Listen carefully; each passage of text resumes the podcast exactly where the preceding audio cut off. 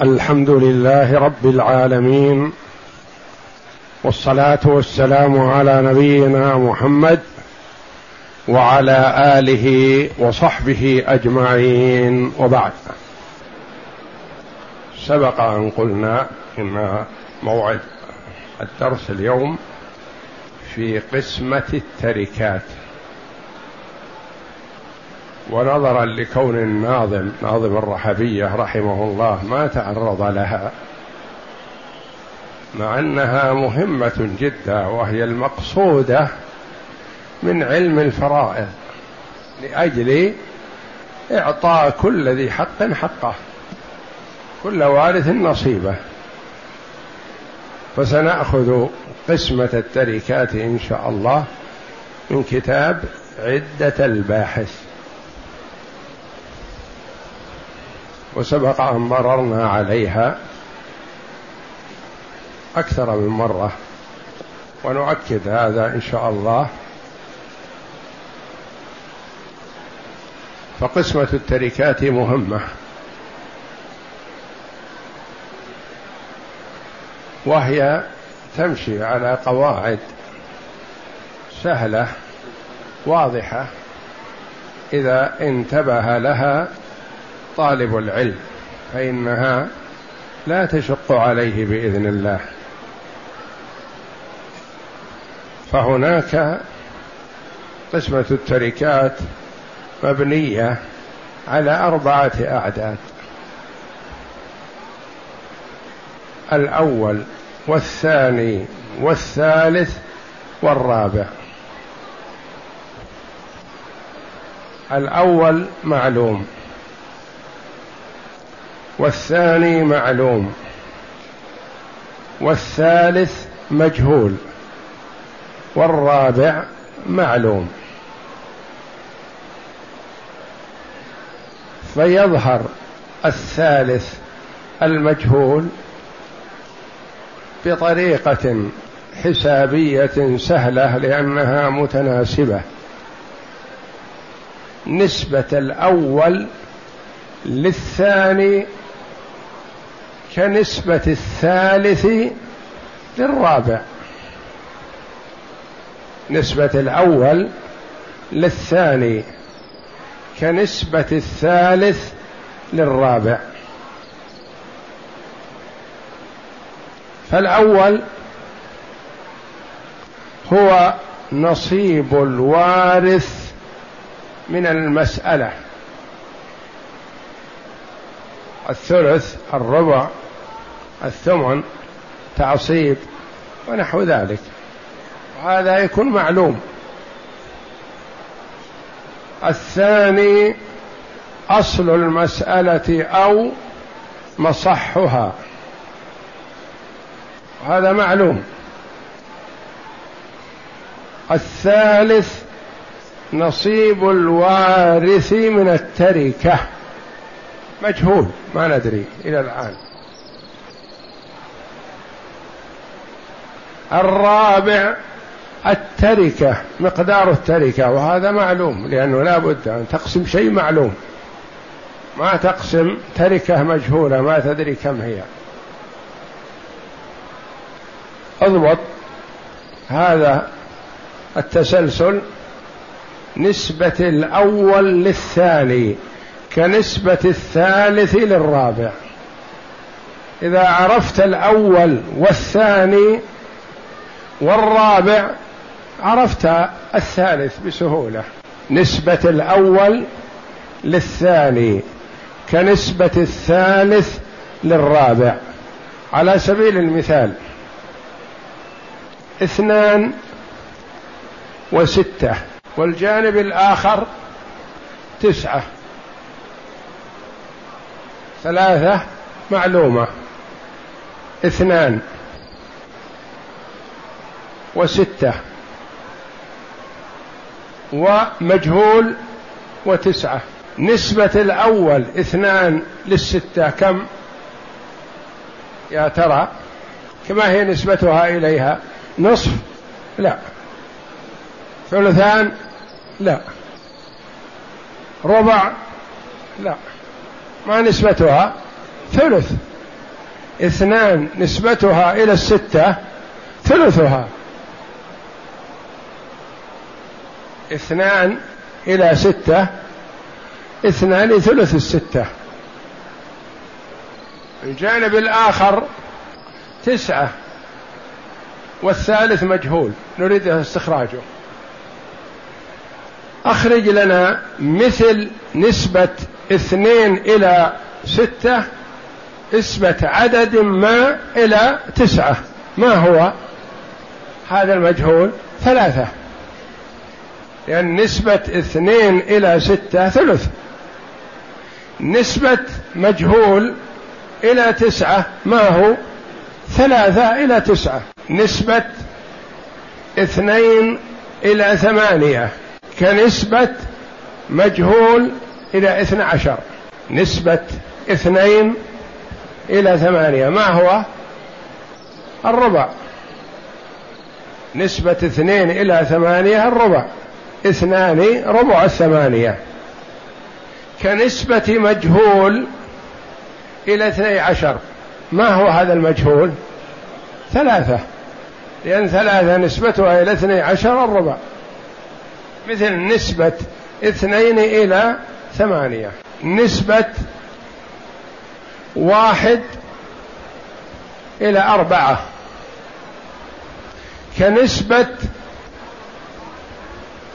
عدد مجهول إلى أربعة وعشرين. ما هو هذا المجهول؟ ستة. لأن نسبة واحد إلى أربعة ربع. نسبة مجهول إلى أربعة وعشرين ستة. نسبة الستة إلى أربعة والعشرين الربع. كنسبة واحد إلى أربعة. إذا فالأعداد المطلوبة اللي ينبني عليها قسمة التركات نسبة الأول إلى الثاني كنسبة الثالث إلى الرابع. والأول معلوم والثاني معلوم والثالث مجهول لأنه نصيب من التركة ما ندري. والرابع معلوم لأنه هو اللي أتاك صاحب التركة قال عندي مئة ريال أريد أن تقسمها على كذا وكذا وكذا. نسبة الأول إلى الثاني كنسبة الثالث إلى الرابع. الأول نصيب الوارث من المسألة. هلك هالك عن زوج وبنت وعم. المسألة من كم؟ من أربعة. المسألة من أربعة. للزوج الربع واحد وللبنت النصف اثنان وللعم الباقي واحد. هذا الآن عددان معلومان. نصيب الوارث من المسألة ربع ونصف وباقي. مصح المسألة وأصلها من أربعة معلوم. التركة أتاك بها. السائل قال التركة عندي مئة ريال. كم نصيب كل واحد من الورثة. أعلمك الآن بمقدار التركة. وأنت قسمت أصل المسألة على الورثة من أربعة.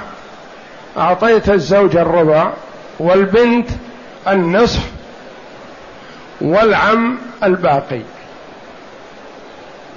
فعندك أنت نصيب الوارث من المسألة معلوم. وأصل المسألة معلوم.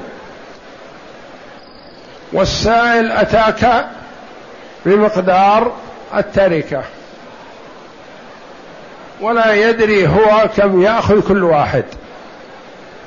أنت تقول له نسبة الأول إلى الثاني كنسبة الثالث إلى الرابع. الثالث المجهول خذ بمقدار نسبة الأول للثاني انسبه إلى إلى الرابع.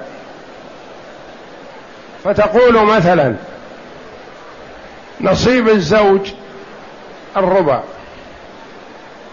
وش نسبته إلى أصل المسألة؟ واحد من أربعة.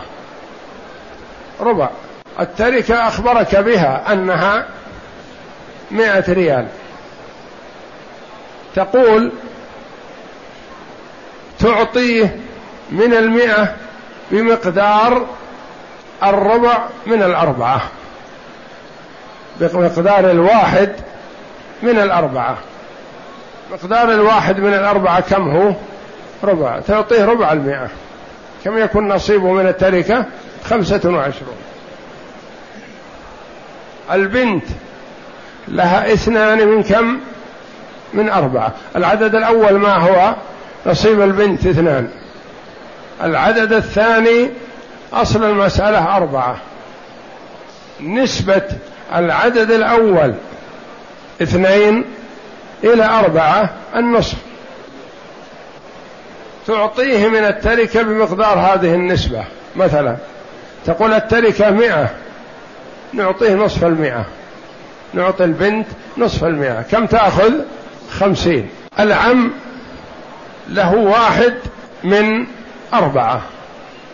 نسبة نصيبه إلى أصل المسألة ربع.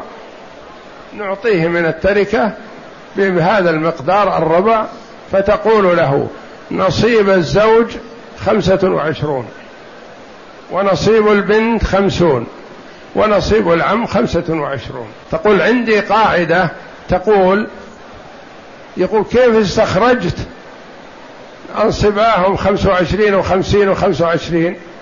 تقول عندي قاعدة تقول نسبة الأول للثاني كنسبة الثالث إلى الرابع. والأول نصيب الوارث من المسألة. والثاني مصح المسألة أو أصلها.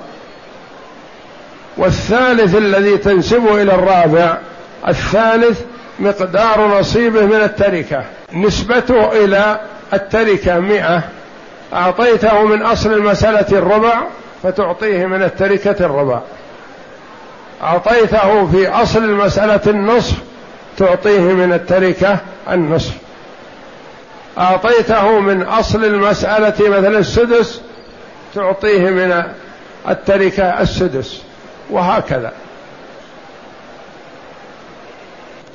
جدة وأخت شقيقة وعم. جدة وأخت شقيقة وعم. المسألة من كم؟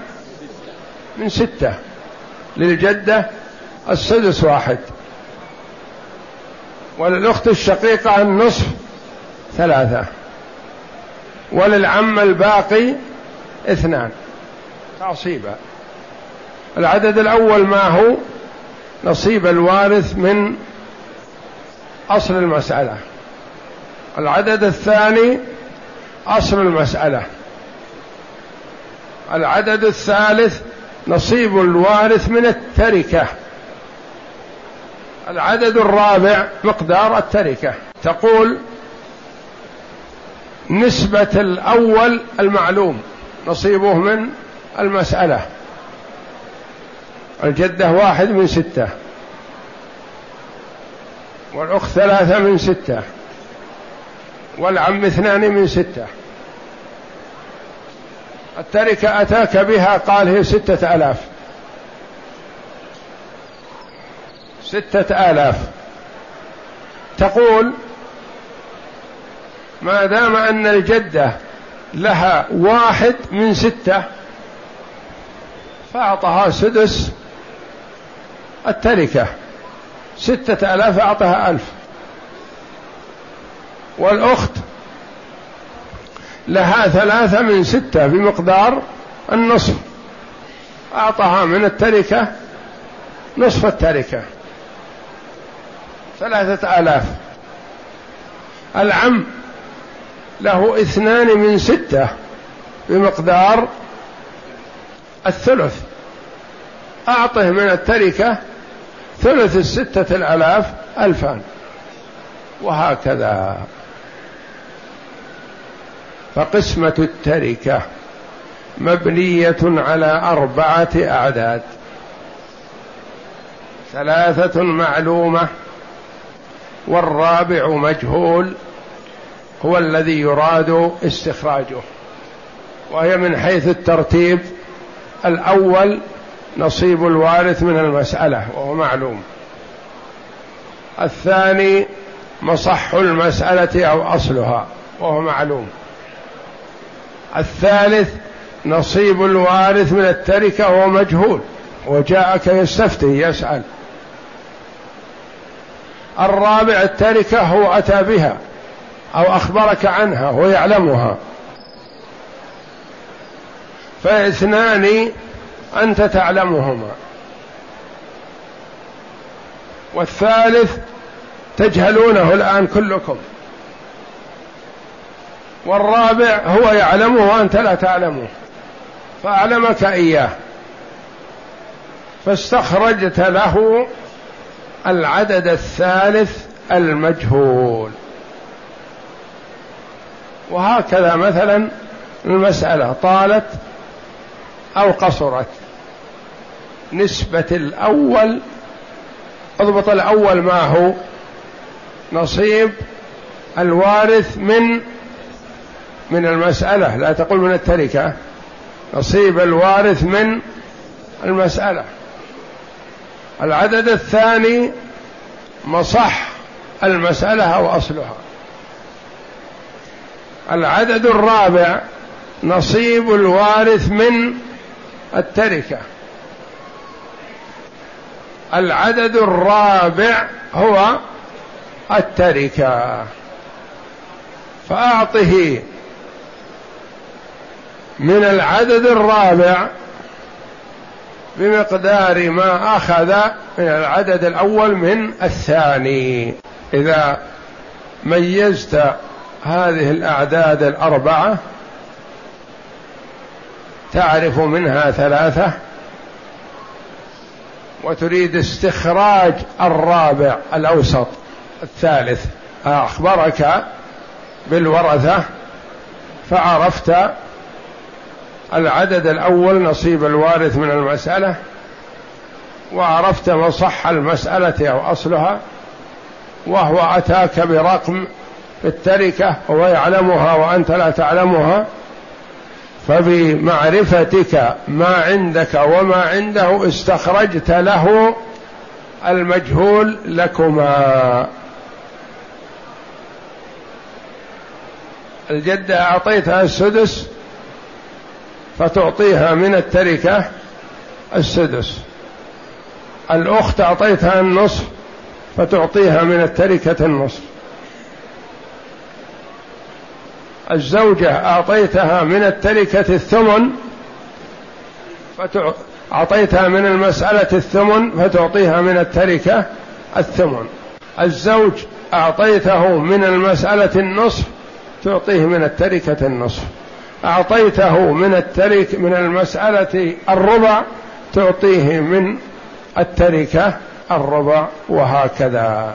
معرفة استخراج نصيب الوارث من التركة هو المقصود من دراسة علم الفرائض. ندرس الفرائض لأجل نعطي هذا نصيبه من التركة وهذا نصيبه وهذا نصيبه. ولا نظلم واحدا لآخر.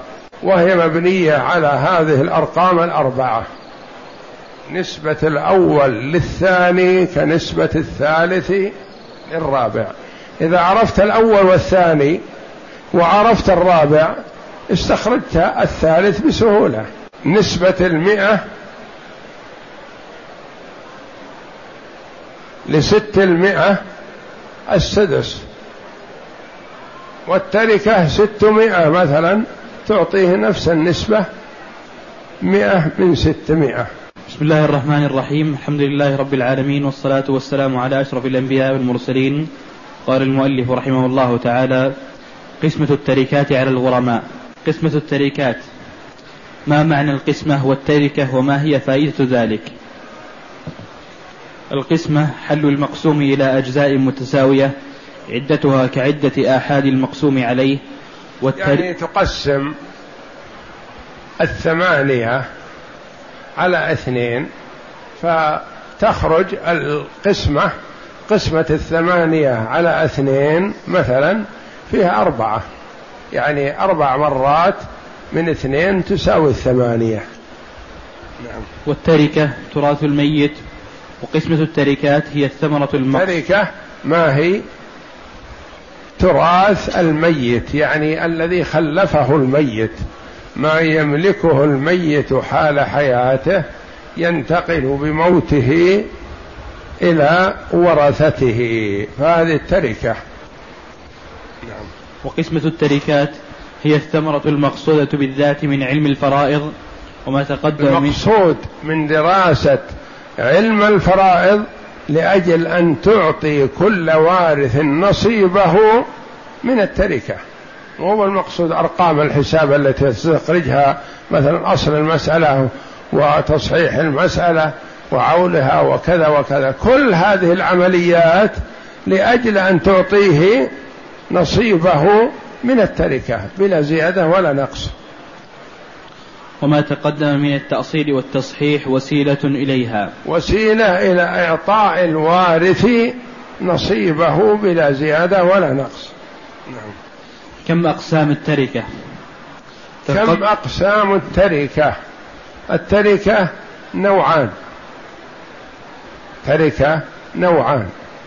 نوع يمكن أن يقسم بالعدد.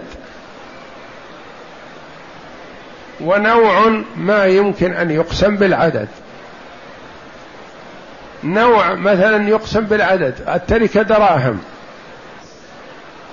تقسمها بينهم بالعدد. التركة أذرع من القماش المتساوي. تقسمها بينهم بالعدد. التركة أرز أو قمح أو شعير آصع متساوية تقسمها بينهم صاحب الربع تعطيه ربع الآصع وصاحب الثلث تعطيها الثلث وهكذا. هذه ممكن تقسم بالعدد لكن نوع آخر من التركة بيت. ما يقسم بالعدد ما في عدد بيت واحد. سيارة واحدة. أرض واحدة. ما تقسم بالعدد. وإذا قسمت ضاعت ما تصلح. هذه مما لا يمكن قسمته بالعدد. فالذي يمكن قسمته بالعدد ما كان معدودا. كالدراهم والدنانير والمذروع والمكيل والموزون وغير ذلك مما هو متساوي يمكن قسمته. ما لا يمكن قسمته بالعدد كالعقار والسيارات والأشياء المتفاوتة المختلفة. ما هي قابلة للقسمة بذاتها؟ مثلا غنم متفاوتة. إبل متفاوتة بقر متفاوتة ما تصلح تقسم بالعدد. بخلاف الغنم المتساوية فتقسم بالعدد. فهذه التركات أنواع. تركة يمكن تقسم بالعدد وتركة لا يمكن أن تقسم بالعدد. خلف عشرة آلاف ريال. هل تقسم بينهم بالعدد؟ خلف سيارة ما يمكن تقسم بالعدد وإنما يعلم أن هذا له نصف السيارة وهذا له ربع السيارة وهذا له ثلث السيارة وهكذا بحسب نصيبه. هذه ما ما تقبل القسمة بالعدد. هذه أنواع التركة. ولا تخرج عن هذين النوعين إما يقسم بالعدد أو لا يقسم بالعدد. نعم. تنقسم إلى قسمين. الأول أن تكون مما تمكن قسمته كالدراهم والدنانير. الثاني أن تكون مما لا تمكن قسمته كالعقارات ونحوها. فإن كانت العقارات والأثاث المتفاوت والسيارات وغير ذلك مما لا يمكن قسمته بالعدد. نعم. فإن كانت مما تمكن قسمته فقسمتها مبنية على الأعداد المتناسبة نسبة هندسية منفصلة. نسبة أولها إلى ثاني نسبة, أولها. نسبة أولها إلى ثانيها كنسبة ثالثها إلى رابعها. وهي أصل كبير في استخراج المجهولات العددية فالعدد الأول نصيب الوارث. استخراج المجهولات العددية بهذه النسبة مثل ما مثلنا مثلا نسبة اثنين إلى ثمانية كنسبة ثلاثة إلى اثنى عشر. اثنين إلى ثمانية معلومة واثنى عشر معلومة والعدد الثالث مجهول. تستخرجوه بسهولة. لأن نسبة الاثنين إلى الثمانية كنسبة العدد المجهول إلى الاثني عشر يكون ثلاثة العدد المجهول. فالعدد الأول نصيب الوارث من المسألة. نصيب الوارث من المسألة واحد أو ثلاثة أو اثنين أو خمسة وهكذا. نعم. الثاني مصحح المسألة. مصح المسألة أو أصلها. اللي صحت منه المسألة. والثالث نصيب كل وارث من التركة وهو المجهول. هذا هو المجهول التي الذي لا تعلمه أنت إلا بعد العملية. والرابع التركة. والرابع التركة أتاك بها. يقول التركة كذا وكذا رقما. فأن تستخرج نصيب كل وارث بهذه النسبة. ما دام نسبة العدد الأول إلى الثاني كنسبة الثالث إلى الرابع فتخرج الثالث بهذه الطريقة بمعرفتك نسبة الأول للثاني تستخرج نسبة الثالث للرابع تستخرج العدد الثالث المجهول. والأصل فيه أن نسبة أن نسبة مال كل وارث إلى مصح المسألة كنسبة, كنسبة ماله من التركة إلى له من التركة إلى التركة. كنسبة ما له يعني نصيبه. والأصل. والأصل فيه أن نسبة مال كل وارث إلى مصح المسألة كنسبة ما له من التركة إلى التركة. نعم. اللي له الربع من أصل المسألة يأخذ الربع من التركة. الذي له السدس من مصح المسألة يأخذ السدس من التركة. الذي له من مصح المسألة يأخذ الثمن من التركة. الذي له ثمانية ثلاثة من ثمانية يعني ثلاثة أثمان يأخذ ثلاثة أثمان التركة. اللي له خمسة من ثمانية أكثر من النصف وأقل من الثلثين يأخذ خمسة خمسة أثمان التركة. ما هي الطرق لقسمة التركة؟ نعم. تقدم أن التركة تنقسم إلى قسمين ما تمكن قسمته والثاني ما لا تمكن قسمته. فإن ما تمكن قسمته بالأعداد اللي هو معدود. ألف ريال مئة ريال خمسين ريال خمسة ألاف ريال خمسة ملايين ريال وهكذا. شيء معدود ممكن قسمته. كل واحد يأخذ نصيبه. ما لا تمكن قسمته خلف أرض خلف بيت. ما يقسم. وربما يكون البيت غير قابل للقسمة يعني بيت صغير. ما يقبل القسمة. وإنما يشتركون فيه بالأجزاء. يكون إن باعوه مثلا فلهذا ربع وهذا ثلث وهذا ثمن وإن أجروه فهل هذا نصف الأجرة وهذا ثلث الأجرة وهذا سدس الأجرة وهكذا بحسب أنصباهم من هذه التركة. فإن كانت مما تمكن قسمته فلقسمتها أوجه عديدة.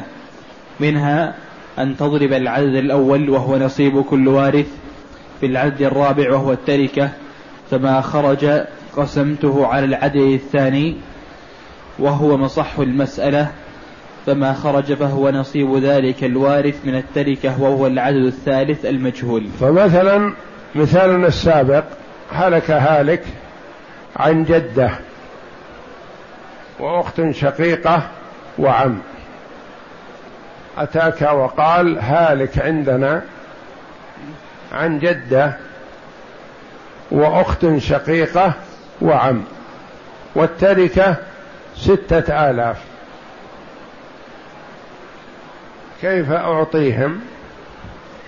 أنت بطريقتك تضرب العدد الأول في العدد الرابع وتقسم على العدد الثاني ويخرج عندك العدد الثالث. العدد الأول قسمت